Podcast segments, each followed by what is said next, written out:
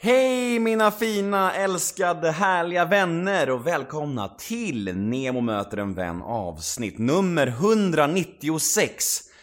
Denna vecka gästas jag av Allsvenskans bästa spelare och tillika lagkapten för Hammarby, Jiloan Hamad. Men innan vi börjar dagens avsnitt så vill jag slå ett slag för två saker som ligger mig varmt om hjärtat och det är såklart den stundande livepodden som nu bara är, ja inte ens en månad bort. Det är otroligt, nu är det nära, det ska bli kul. En stor jubileumskväll på Pet Sounds bar i Stockholm, på Södermalm. Det är alltså lördagen den 8 september klockan 19.00, insläpp 18.30. Och kvällens uppställning blir Torkel Pettersson, Fredrik Hallgren, Anastasius Solis och Eva Röse. Mm, ni hör ju själva, det blir en kalaskväll det här och sist jag kollade så fanns det 10 biljetter kvar bara. Ja, de går åt som smör i solsken och jag hoppas ni vill haffa de här tio sista. Eftersom det här inte blir ett poddavsnitt. Den här kvällen är exklusiv och bara de på plats kommer uppleva det här. Så vill ni ta del av denna kväll, gå in på biletto.se och köp er biljett nu på en gång.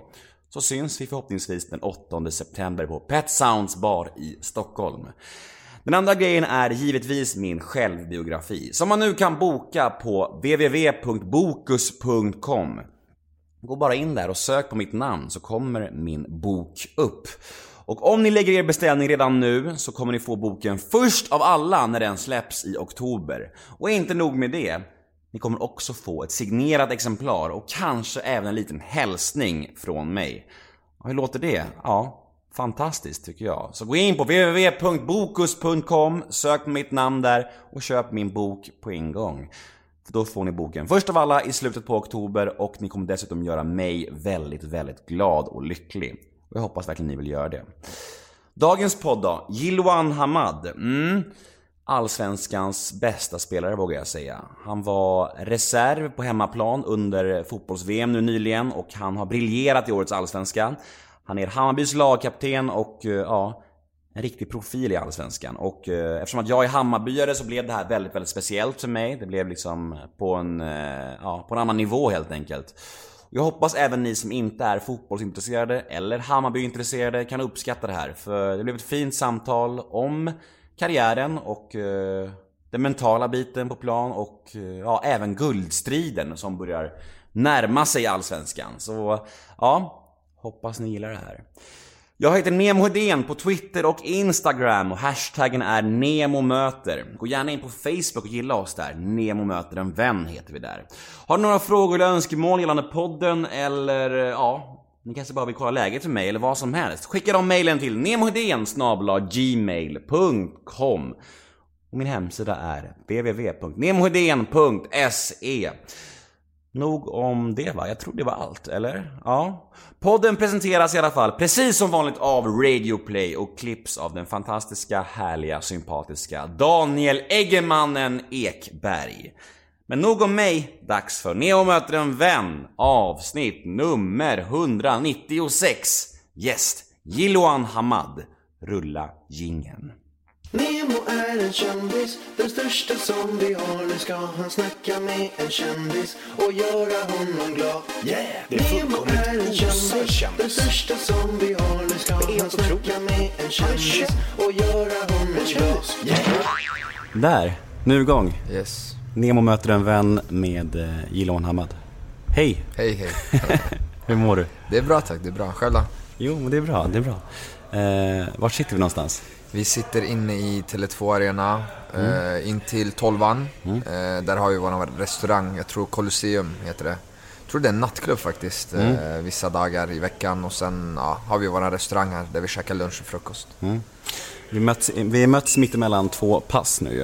Eh, hur ofta kör ni dubbelpass? Eh, en gång i veckan bara. All right. hur, eh, hur mår du? Hur mår kroppen just nu? Kroppen mår bra, allt är lugnt. Ja, det mår bra. Jag har varit frisk och, och liksom hållit mig skadefri. Och det har varit målsättningen inför säsongen. Mm. Sen mådde jag lite dåligt innan, inför senaste matchen. Mm. Så började spy liksom under genomgången strax innan eh, uppvärmningen. Ja, det var nog många som blev oroliga när du klev av i 60 minuten. Ja, exakt. Nej, men det var bara att jag, alltså, jag måste ha ätit någonting liksom, kvällen innan eller något som bara ville ut. Mm. Så när jag kom till samlingen så kändes det bra. Någon timme senare, precis vid taktikgenomgången, så bara kände jag fan jag måste på toa och spy liksom. Mm. Slutade med att jag spydde två, tre gånger och sen kämpade jag med uppvärmningen men då var det ändå okej liksom. Mm. Så jag sa, men jag, jag gör mitt bästa liksom, jag försöker spela. Sen var det mer, mer så här, ja men jag kanske inte ska spela 90 i Nej. det här tillståndet så man tappar mycket vätska och sånt. Så, men det gick bra ändå, vi vann, viktigast. Det gick ju helt okej ändå. Ja, En ass och en tunnel. ja exakt. Ja. Ja. exakt. Vad tycker du om matchen i övrigt? Var det, det var, ni nådde inte riktigt upp i samma kvalitet som matchen innan, tänker jag. Ja, nej men jag håller med. Det var inte samma intensitet. Sen vet jag inte om det beror på att det var just, Älvs- eh, just Trelleborg som vi mötte. Man, man slog dem borta med 3-1 och det viktigaste för oss var liksom att ta tre poäng och också inte underskatta dem på något sätt. De är betydligt bättre på konstgräs och på bortaplan än vad de är hemma. Eh, De har ett bra resultat eh, tidigare liksom på, på bortaplan. Så det visste vi om. Men det är klart vi inte kom upp i, i standard. Men det är ändå bra att vi, vi lyckas ta tre poäng när vi har en sämre dag också. Ja men det är ju ett styrketecken i sig liksom. Ja, exakt. Så det är grymt. Eh, Men visst fan gjorde nyförvärvet Rodic sin första träning nyss? Mm, det er? stämmer, det stämmer. Hur, eh, vad var ditt intryck av honom?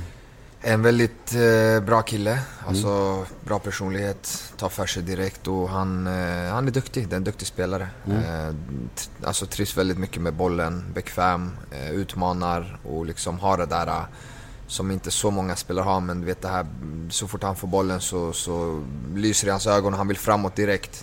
Han vill göra mål, han vill spela fram, han vill utmana. Så det, det är sådana spelare man, man behöver också. Men ni hann inte lira ihop i Malmö, eller hur? Nej, jag, jag lämnade när han kom. Ja, all right. Jag tror han kom 2014 om inte jag minns fel. Ja. Men det börjar bli några Malmöare i Bayern eller? Ja, faktiskt, faktiskt. Ja, Johan, Nico, jag, Ja. Fint. Rodic. Du, vad tycker du om att göra intervjuer? Nu sitter du i intervjustolen och ska bli lite, inte grillad, men du, du är liksom i fokus nu. Vad, vad tycker du om det här liksom? Nej, men jag tycker det är nice alltså. Eh, det är väl, jag är väl mer bekväm i det nu idag, när jag är 27 år gammal. När man var yngre var det lite mer så här, s- man var lite nervös och man var inte kanske så säker i sig själv som man är idag. Så nu är det lugnt alltså, man kan få en fråga och ändå känna att man kan besvara den. Sen det tråkiga är att ibland så kanske man inte, tyvärr, man kanske inte kan säga exakt vad man tycker och tänker. Att man blir lite för så här, politisk i sina svar. Och man vill inte, jag önskar att det var annorlunda men vissa saker kan man bara inte säga. Alltså hur man än vrider och vänder, du vet. Det är så här, man säger liksom yttrandefrihet och hit och dit. Nu, nu är det inte så att jag kommer säga värsta kaosgrejerna men man kan ändå inte, man får vara försiktig liksom med, allting som man säger. Är det på grund av eh, klubbens riktlinje eller? eller? Nej men dels alltså för att jag tänker på mig själv också att man, man ska aldrig, vad ska man säga? Sticker ut hakan för mycket? Sticka ut hakan för mycket, stänga dörrar, man ska, man ska alltid liksom försöka vara så, så öppen som möjligt och inte trampa på, på tå liksom. Men tycker du att det är svårt att, eh, att hitta balansen där mellan liksom och... Alltså jag menar, prata om privatpersonen Giron Hamad. Är, är, har, du- har, har du en tydlig gräns där vad du inte snackar om eller är du ganska öppen om det mesta? Alltså om du lär känna mig utanför fotbollen eh, och liksom kanske inte säga intervjusammanhang så kommer du märka snabbt att jag är jävligt ärlig. Alltså jag säger vad jag tycker, tänker. Ganska brutal alltså så med, med liksom att jag är ärlig och jag bjuder på mig själv alltså. Eh, så där är det väl lite annorlunda än när man sitter här kanske. Men vi får se, någon dag så kanske man tar bort alla filter också och bara är sig själv alltså. Då får du ringa mig så får jag göra den intervjun också. Ja, vi fixar det, jag lovar. Men eh, visst är du född 1990 i Baku, eller hur? det stämmer, det stämmer. Hur gammal var du när du kom till Sverige? Eh, två år gammal. All right. Eh, vad, eh, vad minns du från dina första år i livet? Eh, jag minns att vi... Att, vad ska jag säga? Jag, det enda jag vet egentligen det är typ Sverige. Alltså jag är ju svensk liksom. Jag kom hit när jag var två. Eh, innan det så, alltså jag minns ju såklart ingenting från, från tiden i Sovjet. Eller i Baku. Så det är egentligen att vi fick en alltså, trygg uppväxt. Eh, där vi behövde liksom. Sen såklart när jag blev lite äldre så var det kanske andra grejer som har fastnat lite grann mer nu i, i näthinnan liksom. Typ att man Eh, vi fick alltid det vi behövde trots att lönerna inte var så bra både för mamma och pappa men att vi alltid klarade oss. Men sen såklart vissa saker har fastnat, typ som att vi brukar alltid handla på Myrorna liksom och inte ens där fick man allt man ville. Eh, jag hade aldrig ett par så äkta fotbollsskor förrän jag var typ 15. Eh, det var mer att man fick B-modellen för de kostade typ 1000-1200 liksom, de riktiga Nike. Så det var mer sådana grejer och, och typ att man åkte på någon eh, turnering liksom, någon poolturnering eller turnering med, med laget när man var 12-13, fick jag 50 lapp av farsan och man ville inte spendera den utan när alla andra åt mellan matcherna så var man så här, ah, men jag har ont i magen och så fejkade man liksom att man inte är hungrig bara för att mm, på, senare på kvällen efter turneringen så, så gav man tillbaka de pengarna man fick liksom, för man visste att vi hade det inte så bra ställt. Förutom det så, så fick jag ändå allting jag behövde och tak över huvudet och liksom mat och allt det där, så det var inga problem. Nej. Har du några syskon? Ja, två systrar. En ett som är ett år äldre, Gila heter hon, och sen en som är 96 Hon är ja, sex år yngre, Jikar. Är de eh, stolta över dig, familjen? Ja, det är de nog allihopa. Det, jag är stolt över dem också, både mina föräldrar och mina systrar. Så jag tror att det går åt båda hållen. Mm. Var det bara fotboll när du var liten, eller fanns det liksom andra grejer också som du brann för? Så? Om jag ska vara ärlig så det var det var, det var fan bara fotboll alltså. Mm. Det, det, var alltså fritidsgården fotboll, skolan fotboll, träningar fotboll. Alltså varenda tid. Alltså jag var ute hela tiden och spelade fotboll. Mm. Det var varken så dataspel eller datorer. Eller, alltså det var bara, bara fotboll. Mm. Så ja, det var, det var kul. Mm. Vem, eh, vem skulle du säga att du var i plugget? Hade du någon identitet förutom fotbollen eller var det bara liksom sport, sport, sport? Nej, alltså jag var nog den här luriga killen som alla trodde var så oskyldig men som ändå var lite så här... Full i fan? Ja, men typ. Och typ charmig på något sätt. Så lärarna ja. tyckte alltid om mig och jag kom undan med ganska mycket. Det var typ den, alltså om jag ska beskriva mig själv när jag var yngre liksom i gymnasiet och kanske i högstadiet också. Mm. Alltså, ja. Vad gjorde dina föräldrar? Mina föräldrar, alltså du vet det enda de vet är typ så krig och misär, alltså egentligen mm. tyvärr. Så farsan gick ut i krig redan när han var typ 18-19. Eh, var i krig i typ 15 år, 15-16 år. Han mm. var gerillasoldat liksom. Det var mot Saddam Hussein då.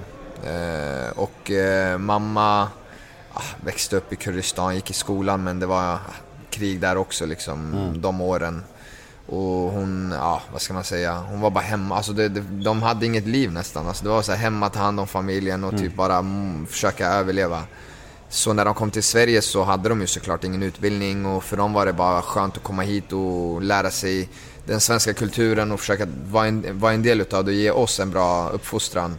Så mamma började med liksom jobb, alltså hon jobbade ju efter åren i komvux och det var mer så här äh, städjobb, äh, mattant i skolan och så vidare. Och jobb är jobb, man ska alltid ha respekt för jobb liksom. Så mm farsan var väldigt skadad i kriget, alltså allt från skottskador till liksom operera bort en njure, till leversjukdomar och så vidare. Så han äh, blev sjukpensionerad ganska tidigt. Försökte jobba i några år men det var jättesvårt. Alltså jag tror att han, han säger det själv, hade inte vi kommit till Sverige så hade han nog inte överlevt. Mm. Så han är bara tacksam och hans kärlek gentemot Sverige idag, den är helt sjuk alltså. Han, han är så här, jag krigade alla de här åren liksom för mitt land men jag hade fan gjort det tio gånger mer för Sverige. Mm. Så det är så på det sättet jag har växt upp också och visa ändå tacksamhet tillbaka. Kan, kan man märka på sin farsa, eftersom att han har varit med om så hemska mm. saker, att han är så traumatiserad från den tiden och så eller?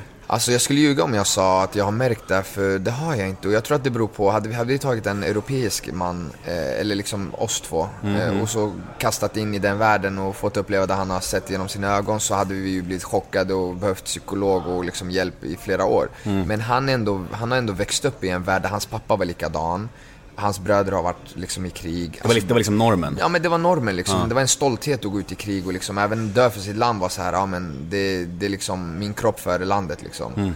Eller landet före min kropp, förlåt. Så eh, för dem har det alltid varit en självklarhet och alltid varit ett tuffare klimat. Så mm. jag har inte märkt någonting. Det är klart att ibland kan han typ sitta och kolla på nyheter och bli extra känslig. För han vet vad de här dagens unga som går ut i krig går igenom liksom. Och han tycker att det är synd att de inte har det här livet som vi i Europa har och att de inte ska få en, den ungdomliga, de ungdomliga åren som de förtjänar. Istället tvingas gå ut i krig och dö liksom, innan de ens har gift sig eller träffat någon tjej. Liksom. Så, mm. Sådana grejer sårar honom väldigt mycket, men utöver det så, så, är det ingenting som har påverkat honom, tror jag inte. Nej. Det är svårt att föreställa sig ja. när man själv inte varit i det. Ja, ja alltså det, inte ens jag kan det och då har jag ändå bott med honom liksom hela mitt liv. Mm. Men äh, minns du när du liksom den gången, första gången du kände så här, shit, jag, eh, jag har nog en extraordinär talang. Mm. Har du någon sån där ögonblick känns fan jag, jag kommer nog kunna liksom leva på det här? Ja, jag tror jag var 14 år. Fick träna första passet med forwards A-lag. Eh, och det var ganska tidigt, 14 A. Skulle fylla 15 det året och då kände jag bara fan alltså, ja men jag är bra liksom. Kom med i ungdomslandslagen när jag var 15. Eh, då fick man mäta sig ändå med de bästa i, i Sverige liksom. Mm. Så då kände jag ändå, ja men jag står mig rätt bra här. Sen hade vi ju den här Kanal Plus Cup, distriktslagsmästerskapen. Så där vann vi ju Örebro. Och efter det så tog det liksom... Då, då började så mycket hända. Så det var väl då, vid typ 15 års ålder, som jag kände att det, här kan, det här kan gå bra så länge jag spelar mina kort rätt och, och liksom fortsätter jobba, kämpa. Och, och liksom allt i mina egna händer. Vi har en lyssnarfråga om just Örebro-tiden, så vi kan slänga in här. Uh, Hej Gille, har du många fina minnen från din hemstad Örebro gällande fotboll och vänner? Ja, det har jag definitivt. Alltså, Örebro är ändå staden i mitt hjärta. Eh, trots att jag flyttade ganska tidigt så det är ändå där min, min familj och mina närmsta vänner bor. Eh, jag har många fina minnen alltså. Jag älskar Örebro. Det är en fin stad. Det var en väldigt bra stad att växa upp i för mig också. Eh, det är en bra fotbollsstad, idrottsstad i sig. Eh, vi har liksom Örebro som, som har varit i Allsvenskan i väldigt många år. I år har de tre division 1-klubbar dessutom och sen en del division 2, division 3-klubbar. Så för mig var det bra att växa upp i Örebro. Jag fick spela A-lagsfotboll väldigt tidigt, så det gynnade min, min karriär liksom. Eh, sen har jag, alla, som, som jag sa, alla mina närmsta vänner där. Det är en stad också som inte är allt för stor, men inte heller så liten som många tror. Så eh, alla känner ju nästan alla, så, men det, det är bara mysigt liksom. Man, man mår bra. Jag mår bra när jag är där. Grymt. Eh, Du hade ju en väldigt framgångsrik tid i Malmö och där du var både lagkapten och vann SM-guld och, det ena och det andra. Eh, Om du skulle jämföra Malmö under perioden du var där med Hammarby idag, vilka likheter finns det och vilka skillnader är det? Likheten är väl att eh, när jag kom till Malmö 2008, då hade Malmö haft några dåliga år, fyra dåliga år. Sen de tog ju guld 2004, sen efter det så hade det tagit, ja, då var det nästan till 2010. Men hur som helst, när jag kom 2008 då var Malmö i samma situation, eller vad man ska säga, som Hammarby var när jag kom förra året. Att man ville upp, man ville vinna, man hade ambitioner, man ville göra en ny satsning liksom. Så där känner jag igen det jätte, jättemycket. Alltså vi började redan 2008, 2009. 2008 var sådär liksom, vi kom i mitten. 2009 då var vi ändå topp 5 och det kändes jävligt bra men vi hade inte det där sista. Och sen vann vi tredje året liksom. Och det känns som att Hammarby gör samma resa nu som vi gjorde i Malmö 2008. Eh, och, och jag var med i den processen och jag förstod redan när jag kom till Bayern att man måste respektera den tiden det tar. Det är inte bara så ah, men nu ska vi köpa spelare, bygga lag och nu ska vi liksom bli topplag. Så egentligen har det gått mycket snabbare nu i Hammarby än vad, vi, eh, vad det gick i Malmö 2008. Där tog, tog det tre år för oss att etablera oss på samma sätt. Nu har vi ändå fått en jävligt bra start liksom, är där uppe redan efter ett år. Så det, det är väldigt starkt gjort. Eh, olikheten är väl kanske Alltså jag säger inte att Hammarby inte har haft liksom krav på sina spelare, men du vet, man har ett SM-guld i bagaget och jag tror att allt, allt att vara i toppen är liksom bara så här, ja, men glädje. Det är ingenting som jag tror bayern supportrarna kan känna så här, ja, men det här är en självklarhet eller att man inför säsong, i alla fall tidigare, har varit så här, vi ska vara topplag, att man kräver liksom av spelarna att vi ska vara där uppe i toppen. Självklart så har det varit en vision och en dröm för många, men det är inte där Hammarby har varit de senaste åren, tyvärr. Det är där vi försöker skapa idag, men i Malmö är det väl snarare att Kommer man alltså femma, fyra, trea, det är så katastrof. Kommer du tvåa, det är katastrof. Det finns bara där i väggen liksom. Alltså, det är någonting man har skapat, eh, de här eh, kraven. Eh, sen har de ju förutsättningar, de har alltid haft bra lag, alltid satsat liksom. Fin historik också. Så de var väl i Europacupfinal 1979 och sen så det, är- det är en anrik förening liksom, med mycket titlar och de tänker bara hela tiden vinna, vinna, vinna, vinna. Liksom. Det finns ingenting annat. Vi är bäst, vi är störst. Så det är en liten annan mentalitet, men det är den vi, vi har nu i Hammarby idag. Och det är vi tacksamma för. Det är vi tacksamma för. Äntligen, Ja. tror jag många av oss känner. Ja. Jag snackade med min farsa om det häromdagen, att det, jag undrar varför det har tagit sån tid. Mm. För att för Bayern är ju med stor arena, med så mycket publik Mm. och pengar finns. Alltså det finns ju all, alla möjligheter under så lång tid nu. Men det ska, äntligen börjar det bli topplag. Och, och varför har det tagit så lång tid, tror du? Jag tror att det har saknats en Jesper Jansson om jag ska vara ärlig. Ja. Eh, Det har saknats eh, någon som, alltså från styrelsehåll som har velat, okej nu sätter vi ner foten, nu är det dags att göra en satsning. Okej, vad krävs det? Och så tar man det från grunden liksom. Man, vi behöver struktur, vi behöver, alla ska veta sin roll och, och liksom sprida bara det här positiva. Och då krävs det, okej, då krävs det en sportchef som kan ta in bra spelare. Det krävs en tränare som vet vad som krävs och som kan förmedla det här till spelarna ge oss självförtroende liksom. Eh, jag tror tidigare tränare har varit så här, ja men det har inte varit samma sak. Alltså vi, vi har liksom matat in det här nu. Vi är här för att vinna, vi äger vår egen framgång. Det är vi som, vi ska, vi ska ta tag i matcher liksom. Eh, samtidigt som det är inte hokus pokus i fotboll alltså. Vi har en bra tränare, har ambitioner. ställer du krav och så har du bra spelare. Alltså kolla våran trupp nu och jämför det med Hammarby för fyra år sedan. Alltså det är natt och dag. Så det är också otacksamt att säga att liksom de tränarna som har varit här innan har gjort ett dåligt jobb. För om jag ska vara ärlig, det har inte funnits spelarmaterial till det. Alltså de spelarna man har värvat nu finns det ändå en, en röd tråd. Vi har en identitet, vi har många unga spelare som, som kan bli sålda. Eh, Pengar kommer komma in i, ge- genom spelarförsäljningar, genom topplaceringar i Allsvenskan, förhoppningsvis Europaspel. Så det, det är bara att man bestämmer sig för att satsa. Alltså jag, jag förstår inte heller varför det ska vara så svårt. Alltså jag, det är bara vad man gör det till. Om man sitter och tänker att det är skitsvårt, då blir det skitsvårt. Men alltså jag, jag förstår inte riktigt hur, hur svårt kan det vara liksom. Eh, Men sen blev du proffs och, och om man kollar på det i efterhand, det här att du... eh, Får man, ska man kalla det en misslyckad proffssession? Vad tycker du? Alltså, det är svårt alltså. Det är klart att jag hade höga krav när jag drog, innan jag drog utomlands. Jag var ändå bra liksom och så, men alltså misslyckande, ja men det kan man ändå kalla det, men ja... Ja, det Du får, du får bestämma vad du ska kalla det. Alltså jag, jag lärde mig jävligt mycket, men det är klart att det var inte som jag hade önskat. Så det, ja, vi Vad kan var det som gick snett då egentligen? Alltså om jag ska vara ärlig, du vet mitt klubbval var ändå så här. på pappret såg allting skitbra ut. Alltså de gick med på liksom allt och lönemässigt och sportsligt och jag tänkte, ja men jag går till en så här lite mindre klubb i Bundesliga. Visste väl inte så jättemycket om den, att de hade en ägare som liksom sprutade ut pengar och typ kunde köpa vem han ville och att truppen var så bred. Kommer dit och liksom allt är bra, tränaren älskar mig och lovar massa saker höger och vänster. Jag kommer dit under försäsongen, allting går skitbra. Får starta premiären, vi torskar med 4-1 och då gör han direkt massa ändringar liksom. Så fick jag vara på bänken liksom 7-8 matcher i rad där jag bara gjorde inhopp. Och efter varje inhopp var jag såhär, men det här inhoppet var skitbra. Vi kunde ligga under med 2-0 och jag kom in och gjorde liksom två assist och det blev 2-2. Och så bara kände jag, men nu kommer jag starta. Och så fick jag ändå inte starta och så fick jag ändå inte starta. Och det var... Nej, jag vet inte. Alltså jag, jag, jag var lite orättvist behandlad och fick aldrig ens en ärlig chans. Eh, Det är det som var mest jobbigt. Sen gick jag på lån, skadade mig, kom tillbaka efter skadan. Hub Stevens gillade mig, startade, han var i klubben i fem matcher, jag startade alla fem matcher med honom. Och sen fick han avgå på grund av hjärtproblem. Och då kom en ny tränare och med honom var det lite så här, ja, med massa inhopp och inte den där ordinarie spelaren. Så det var ett misslyckande, men samtidigt har jag lärt mig skitmycket. Jag utvecklades som spelare, både på och utanför planen. Och sen har det också varit lite oflyt. Alltså hade Hub Stevens till exempel inte fått problem med hjärtat så hade han varit kvar och då hade jag spelat liksom.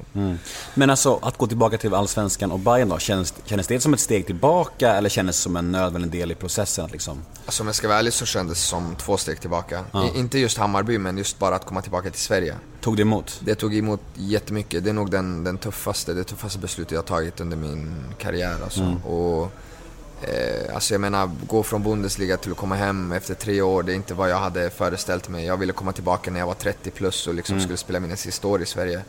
Men sen fick jag sitta och verkligen tänka till och okej, du har haft en korsbandsskada som du har varit borta för i åtta månader. Vad är det bästa för mig liksom? Jo, men jag prioriterar speltid nummer ett. Då måste jag välja ett land och en, en klubb där jag känner att här kommer jag spela oavsett om jag kanske missar fem träningar på en vecka så kan jag ändå spela sjunde dagen liksom. Eh, och någonstans där jag känner mig uppskattad, kanske nära till familjen. Och istället för att gå till Holland, Belgien så, ja men vet du, jag kommer tillbaka till Sverige. Här har jag ändå garanterat speltid liksom, om ingenting sjukt händer. Eh, det är ingen som kan vara garanterad speltid självklart, men jag vet ändå vad jag går för. Och liksom, så då valde jag Hammarby och det, var, det är klart att det var jobbigt liksom att komma tillbaka till Sverige. Och, men samtidigt så var det också min största utmaning jag hade inf- alltså framför mig. Speciellt med tanke på liksom första året, hur, hur mycket andra saker jag var tvungen att tänka på. Liksom. Vi var ändå i början av någonting och la ner jättemycket tid liksom, både på planen utanför och försöka liksom, få med alla på den här resan och ändra attityd, inställning. Så det har varit mycket liksom, men det, det är värt det nu. Kolla vart vi ligger och, och liksom, säsongen har varit väldigt bra. Så jag är bara tacksam. Och det har varit hårt jobb alltså, det har inte varit lätt. Alltså just det här mentala också, liksom att man känner någonstans att man, man kanske är... Alltså man vill vidare, man, är nästan, man känner sig för bra liksom, liksom för att vara här i Sverige utan att liksom vara kaxig och sådär. Men att jag, jag känner i hela min kropp att jag är ämnad för någonting större, ämnad för någonting större men ändå så känns det som att jag har ett syfte. Det är det som har utvecklats i mig, en känsla att jag har ett syfte att vara i Hammarby. Det här var så menat, att jag skulle vara här just, just nu liksom. Eh, och att jag har ett, ja, ett större syfte som sagt, att ja, vi ska vara där uppe i toppen innan jag lämnar. Så du blev ju lite som, en, lite som en frälsare på det sättet att, att du blev en precis prestigevärvning som öppnar dörren för andra tunga värvningar liksom också. Eh, och eh, ja, nej men det är väl... eh, det, Du kanske får vinna ett SM-guld och sen, sen får du dra då? Ja, sen kommer jag tillbaka. Precis, om fem, Ja, sex, vi får se år. hur det blir alltså. Jag har haft mina, alltså jag har fantastisk, eh, fantastiskt, ett, eller vad är det, ett år, fantastiskt år i Hammarby. Ett, ett år och fem månader. Mm. Så jag, alltså jag har mått så bra och jag är så glad liksom. Jag minns att Jeffrey Aubin Mm. pratade mycket om klubben innan jag skrev på. Pratade mycket med honom också och han sa att, vet du, Hammarby är någonting speciellt. Mm. Han bara, jag vill inte säga för mycket men du kommer fatta när du är där. Och jag fattar grejen nu alltså. Du, Mm. Bra. jag, ja, alltså jag har sån kärlek för Hammarby nu. Det, det tog mig ett år. Alltså jag, jag kom inte till en klubb och bara, "Ja, men jag älskar den här klubben. Och liksom, det, man måste respektera, det tar, det tar tid liksom. Det är som en relation. Mm. Du måste lära känna, du måste veta historiken, hur är supportrarna, vad, vad, är liksom, vad står vi för? Men nu har det gått ändå ett och ett halvt år och jag kan säga att alltså, jag älskar allt som Hammarby står för. Och Mm. Allt man gör liksom, både på och utanför planen. Och det engagemanget från supportrarna, så wow. Det var en lyssnarfråga här angående när du återvänder till Sverige. Och då är en människa som frågar så här. eh, Jag undrar hur pass nära han var en övergång till IFK Norrköping istället för Bayern när han kom hem? Eh, jag blev kontaktad av Jens Gustafsson, Mm. eh, som är både tränare och sportchef i, Norrköping. Så han hörde av sig och liksom, vi pratade i telefon, såväl som andra klubbar också såklart. Men pratade ganska länge i telefon och han ville komma till Tyskland och hälsa på mig och liksom, ja men vi, vi gör någonting. Så det var nära. Jag har alltid gillat Norrköping, alltid gillat deras sätt att spela. Jag tycker Jens gör ett fantastiskt jobb i, i Norrköping. Eh, alltså kolla bara liksom, de har varit ändå i toppen nu i några år och de spelar en jättefin fotboll. Utvecklande fotboll skulle jag vilja säga. Så det, jag skulle rekommendera alla dagar i veckan för en ung spelare att gå till Norrköping. Liksom. Men Eh, vad föll det på då? det föll på att jag kände att det är mer press i Hammarby.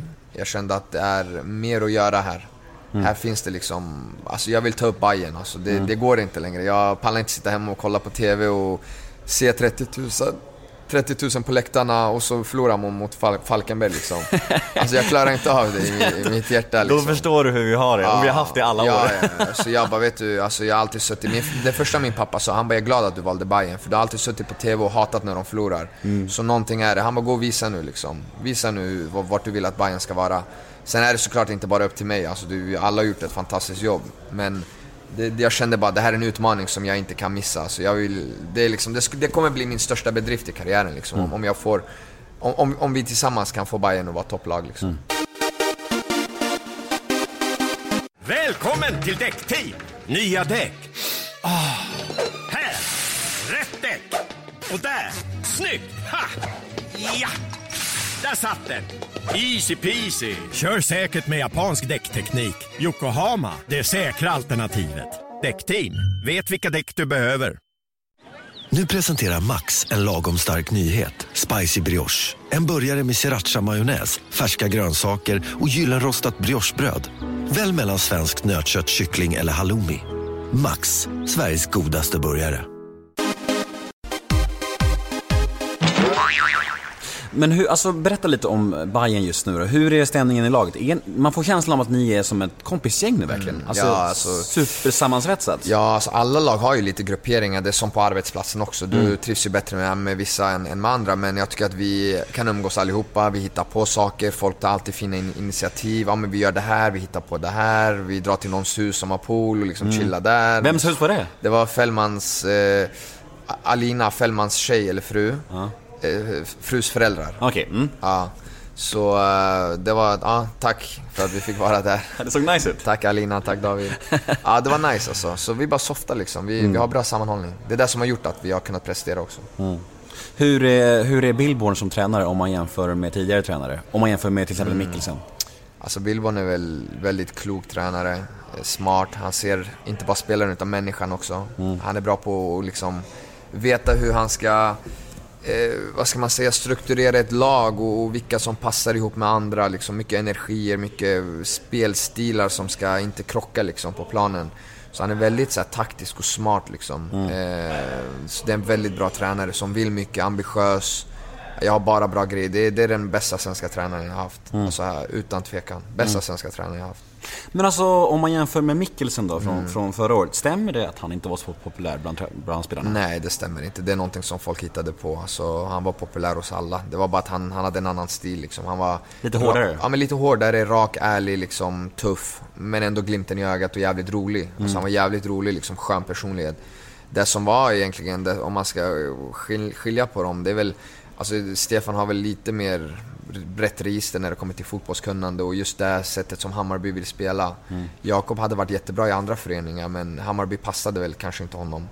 Sen var det ju, är det ju alltid svårt liksom eh, att komma in första året och liksom få in så mycket spelare och spela rotation och försöka få resultat. Så det, är ändå, det var tufft liksom för honom också. Ganska jobbig sits men eh, han, är, han är också bra på sitt sätt. Men vad är den största skillnaden då, om du tänker Bayern i år och förra året? Största skillnaden är väl att vi har... Alltså jag tror att vi har en annan eh, filosofi, en annan spelidé. Vi vågar tro, vi, vi tror på oss själva, vi får mycket självförtroende från ledarstaben. Vi ser oss inte själva liksom sitta bak i bussen utan vi, vi, det är vi som kör. Eh, det är väl det som är största skillnaden samtidigt som vi vet också Alltså struktur och spelet i sig, hur vi ska vara på banan, hur vi ska agera. Alla kan sin roll idag. Vi vet exakt, jag kan peka på exakt liksom alla positioner, hur vi ska agera när bollen är där, när bollen är där, hur vi ska attackera och så vidare. Så jag tror att det finns en annan tydlighet i vårt spel idag. Även de som sitter och kollar på läktaren nu vet ju vad Hammarby står för. Man kan ju se en röd tråd liksom. Vi har en identitet helt plötsligt. Det är inte så att du går till en match och det kan gå åt helvete. Du vet inte själv liksom vart du står. I, i, idag vet vi att gör vi bara en bra match och kommer vi upp till standard så vinner vi liksom. För vi har allt annat. Jag tror att det är något som vi upplever också som fans, att det finns en annan stabilitet och trygghet än någonsin egentligen. Exakt. Att, som du säger också, når ni upp till kvalitet, som ni oftast gör också, då vinner ni liksom mot ett sämre lag. Alltid nästan. Och det är jävligt häftigt. För oss känns det tryggt. Finally liksom. Exakt. Men vem är du tajtast med i laget? Vem hänger du mest med? Uff, alltså vi hänger, vi är ganska många. Alltså Kennedy, Tankovic, Dibban han var här. Eh, Imad, Rebin Junior. Det är väl de alltså. Det är många. Cool. Du, eh, hur är du med ditt humör? Hur påverkas du av en, eh, av en dålig match och, och en förlust? Eller om du har gjort en kass insats till exempel. När du kommer hem, eller de ska hänga med familj sen. Kan du vara så här ett as då? Eller rinner det bara av dig och du plockar bort det liksom hem? Nej, alltså jag är tvärtom. Alltså jag, jag kokar inombords. Även om inte jag visar det. Jag kan vara ganska tyst liksom och, och vara introvert liksom.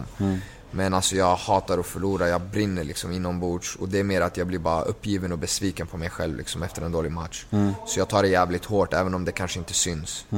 Så typ mer att jag blir bara deppig och, och sen kanske att jag pallar inte liksom träffa någon. Alltså jag är bara så här, vill komma hem och bara vara själv. Sen har jag familjen där, det är en annan grej. De, de vet hur jag funkar men då är hela veckan för mig så här, äh, bara ta tag i det och sen göra en bra träningsvecka för att nästa match revanschera mig. För det finns inte i min värld att jag ska göra två liksom, så här, jättedåliga matcher i rad. Inte ens två dåliga halvlekar. Är jag oftast dålig i en halvlek så är, kommer jag alltid vara bra i andra halvlek. Så, Vem är annars sämst förlorare i laget? Vem är tokigast? Alltså vi, det jag gillar med Hammarby, vi är många som har fått den inställningen hata och förlora. Så det är många. Alltså Fällman är väldigt så här vinnarskalle. Vi har Tankovic, vi har Nikola. Junior kan också, alltså han kan bli riktigt irriterad alltså när vi torskar. Eller mer när vi inte gör oss själva rättvisa. Så jag tror vi har en lyssnarfråga just om det där med, med vinnarskallar. Det var så här, jag tror det var... Det lyder så här. Hej Gille, det uppstår en liten konflikt mellan dig och Nikola Djurdjic i slutet av matchen mot Trelleborg.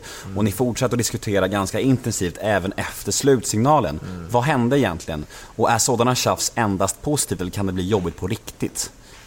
Nej, alltså det är bara positivt. Det är klart att i stundens hetta så är det ju lite så här, man menar ju det man säger liksom. Men efteråt, det är inte ens så här, ja brorsan sorry. Alltså vi pratade inte om det. Allting var som vanligt för det, vi gör varandra bättre liksom. Det, det är bara bra. Så det är inga hard feelings, alltså verkligen. Vi är så pass, alltså vi är bröder liksom utanför planen. Så det där är bara, alltså det är ingenting.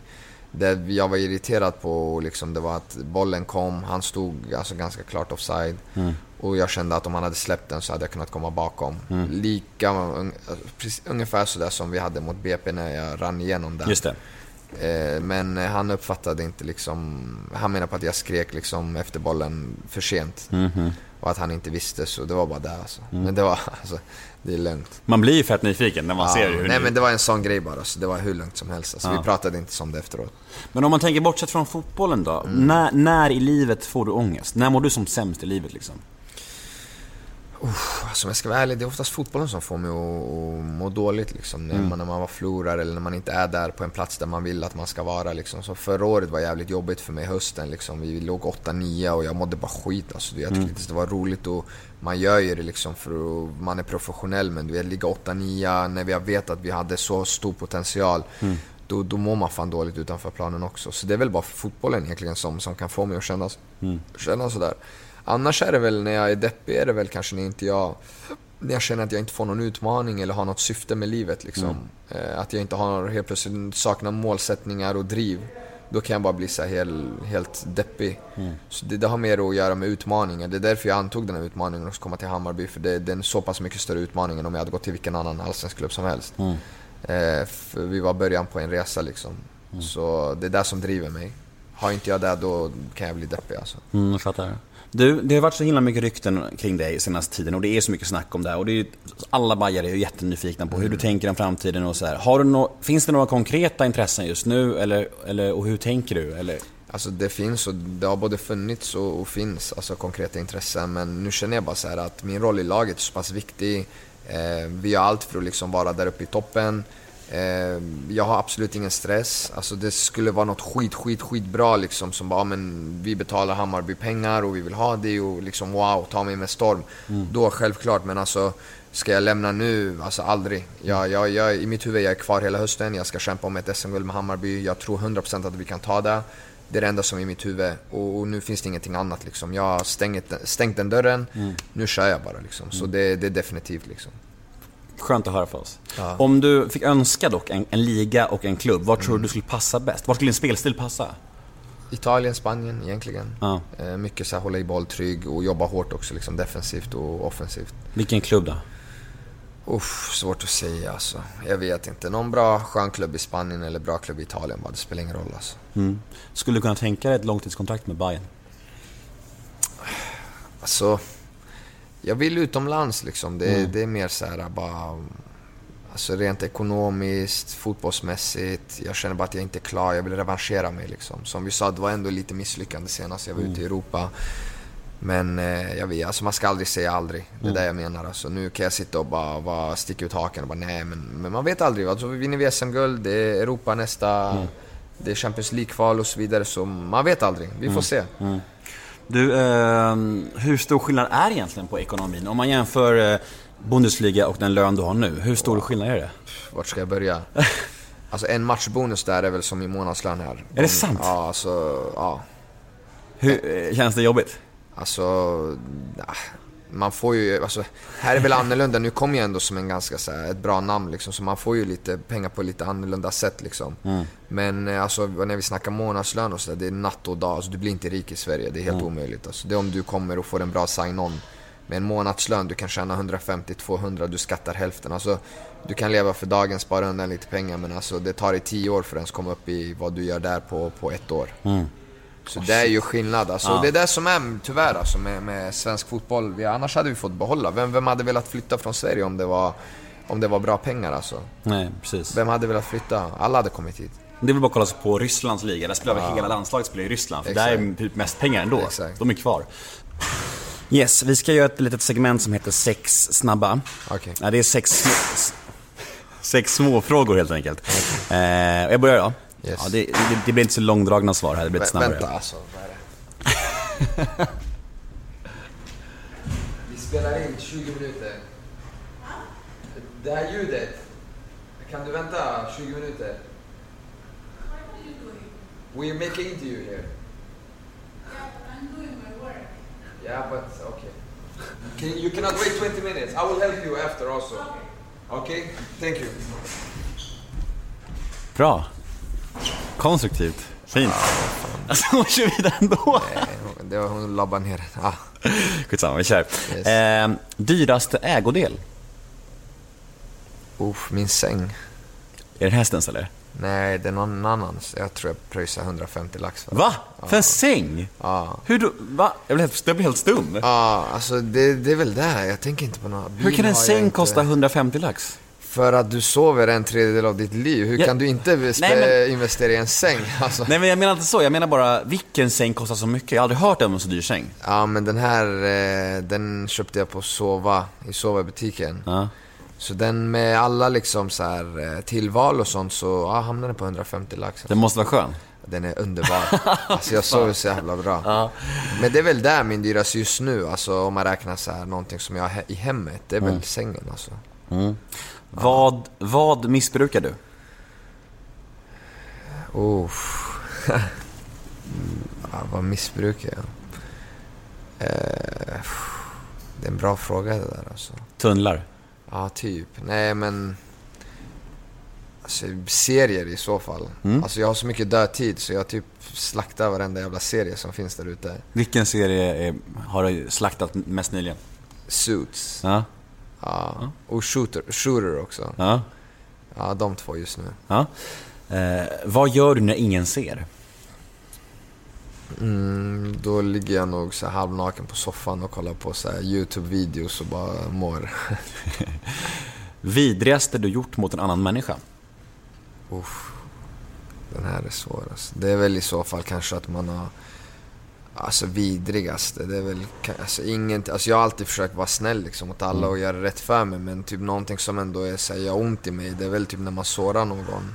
Eller någons känslor, även om inte det har varit på något så jättevidrigt sätt men mer att man Ja men man, man, man sårar någons känslor liksom, så det är ju inte så jättenice. Det kan vara en relation som man känner att, ja men jag vill göra slut för det här, jag ser ingen framtid men det är ändå jobbigt att ta det liksom. Så det, är väl, det är väl en sån grej i så fall.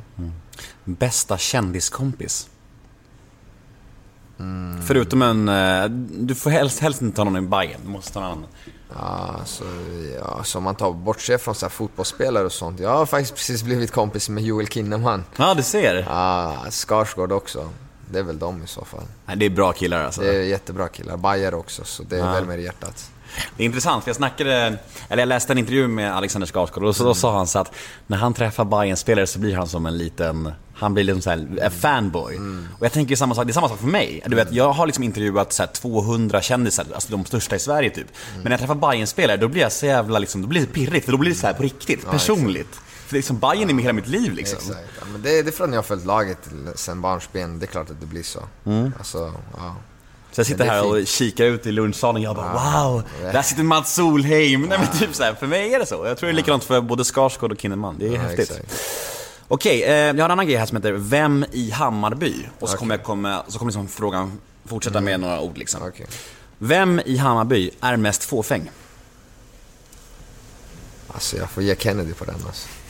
Vem i Hammarby gillar öl mest? Eh, jag tror nog att det är danskarna. Fenger, Paulsen och Jeppe Andersson. Varför måste det vara danskar som gillar öl? Vad konstigt det där är alltså. de, Jag tror det är bara en så här kulturgrej att de är vana med att dricka öl liksom till varje match och att de bara älskar bärs liksom. Mm.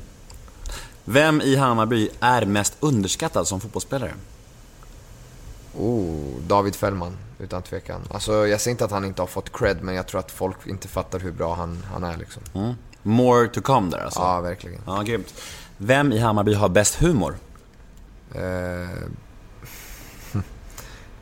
alltså Erkan när han var här, Padibba, vi har ju tappat våra två roligaste grabbar liksom. Men Mm. jag tror Mojo är jävligt rolig också. Vem i Hammarby är snålast? Oj, oj, oj. det är svårt att svara, du tänker på någon, jag ser det på Ja, dig. ja, det är det här politiska i mig som jag var inne på tidigare. Man, man vill ju så gärna basta folk, men det går Ah, inte. Du måste svara. Alltså snål på ett kanske bra sätt. Du kan säga man- mest ekonomiskt. Ja, men mest ekonomiskt, det är nog danskarna alltså. Ja, okej. Vem i Hammarby, de lägger bara pengarna på bärs, det är det enda de lägger ja, pengarna typ, på. typ. Försök spara liksom allt man kan. Det är det enda som de kan Ja. spendera på. Vem i Hammarby är generösast? Oh. Junior, Vem i Hammarby har sämst musiksmak? Mats Solheim. Du såg hur snabb jag var. Mm, det var snabbt. Vem i Hammarby spelar fulast på träning? Uff, det, ja, alltså jag kan nog vara med där. Alltså jag har varit lite så irriterad sista tiden, men alltså...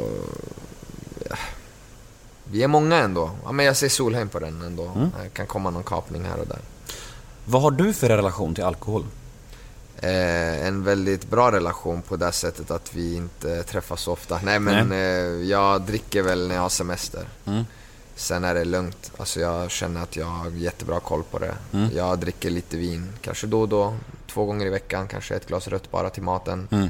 Det sägs att det ska vara bra liksom för kropp och själ. Annars eh, knappt alltså. Jag har inte druckit nu på typ 3-4 månader. Men Mm. när jag har semester då, då såklart att man festar och har kul och dricker liksom. Du får festa loss med danskarna sen Ja exakt, jag får göra det. Jag får göra det. Eh, Jag har ett segment här som heter ett ord om. Det går ut på att jag säger fem stycken svenska kändisar och du ska säga det första ordet som kommer i ditt huvud när du hör namnet. Okej. Är du med? Yes. Ett ord om Alex Schulman. Eh, smart. Marcus Birro. Eh, passionerad. Sara Larsson. Fantastisk, alltså tjej. Fantastisk. Jimmy Åkesson. Eh, stel jävel. Leif GW Persson. Klok. Och innan vi eh, avrundar denna intervju så ska vi damma av ett par lyssnarmail. Eh, Första mejlet, några har vi ju bakat in i intervjun, men det är några övriga som vi ska Okej. beta av också. Eh, Nummer ett här. Hej Gille, hur går en förhandling till vid ett klubbyte? Ta oss med bakom från första kontakt fram tills man presenteras. Okej, ag- min agent ringer mig. Han bara Gille, eh, Milan är intresserad. Nu gillar jag ju Milan, det är därför jag tar Milan som ett exempel. Eh, Milan är intresserade, jag har pratat med deras sportchef, de har kontaktat mig, de vill ha det liksom. Eh, är du intresserad? Ja men då säger jag självklart, det är en jättefet klubb, jag vill dit. Då frågar han, då vet ju min agent, eftersom vi har alltid haft en bra dialog, ungefär vad mina lönekrav är. Sen kan det variera beroende på land, beroende på klubb och så vidare. Men jag känner så ja, men för att gå till Milan så, ja, men jag skulle vara nöjd med det här. Då återkommer man till Milan och så säger man, spelaren är intresserad, vad pratar vi om för löner? Ja men det är det här vi kan betala, okej vi kör. Nästa steg så kontaktar Milan Hammarby och förhandlar. Sen kan ju den här kontakten, alltså Milan kan ju ibland kontakta Hammarby utan att jag vet om det och komma till mig sen. Är det en så pass liksom, stor klubb så är de ganska säkra på att spelaren kommer säga ja, då kan de kontakta klubben direkt, liksom, göra förhandlingen och så är det bara spelarens kontrakt kvar. Men oftast så går det till så att spelaren säger ja, de frågar sig för och sen kontaktar de Bayern. I min situation är det så här, men det är så här mycket han kostar, de kommer överens och sen ja, sätter man sig, skriver sitt personliga kontrakt, flyger ner dit, gör läkarundersökning, allt är klappat och klart, Hammarby är glada, jag är glad. Det är typ så det går till. Sen finns det ju massa olika så variabler liksom, alltså med vidareförsäljningsprocent och man kan lägga in så mycket saker i kontraktet. Hammarby kanske inte kommer överens med Milan.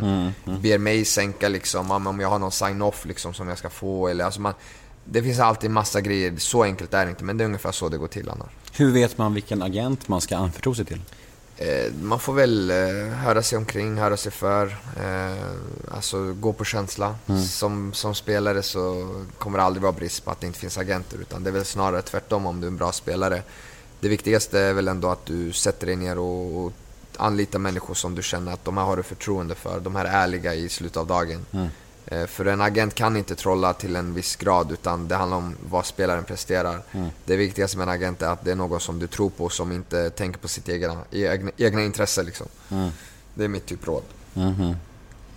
Men alltså, ja, men hur, hur går det till exempel till så om en klubb hör av sig och visar intresse för dig och du kanske, kanske blir astaggad men din klubb vill inte släppa dig. Hur ofta händer det och, och vad, kan det bli så att det blir irritation mellan dig och klubben då eller hur? Ja, det händer alltså hela tiden. Ja. Eh, Det händer att eh, jag vill dit, klubben känner att nej men den här klubben har en budget på 10 miljoner men Hammarby vill ha 20 för mig.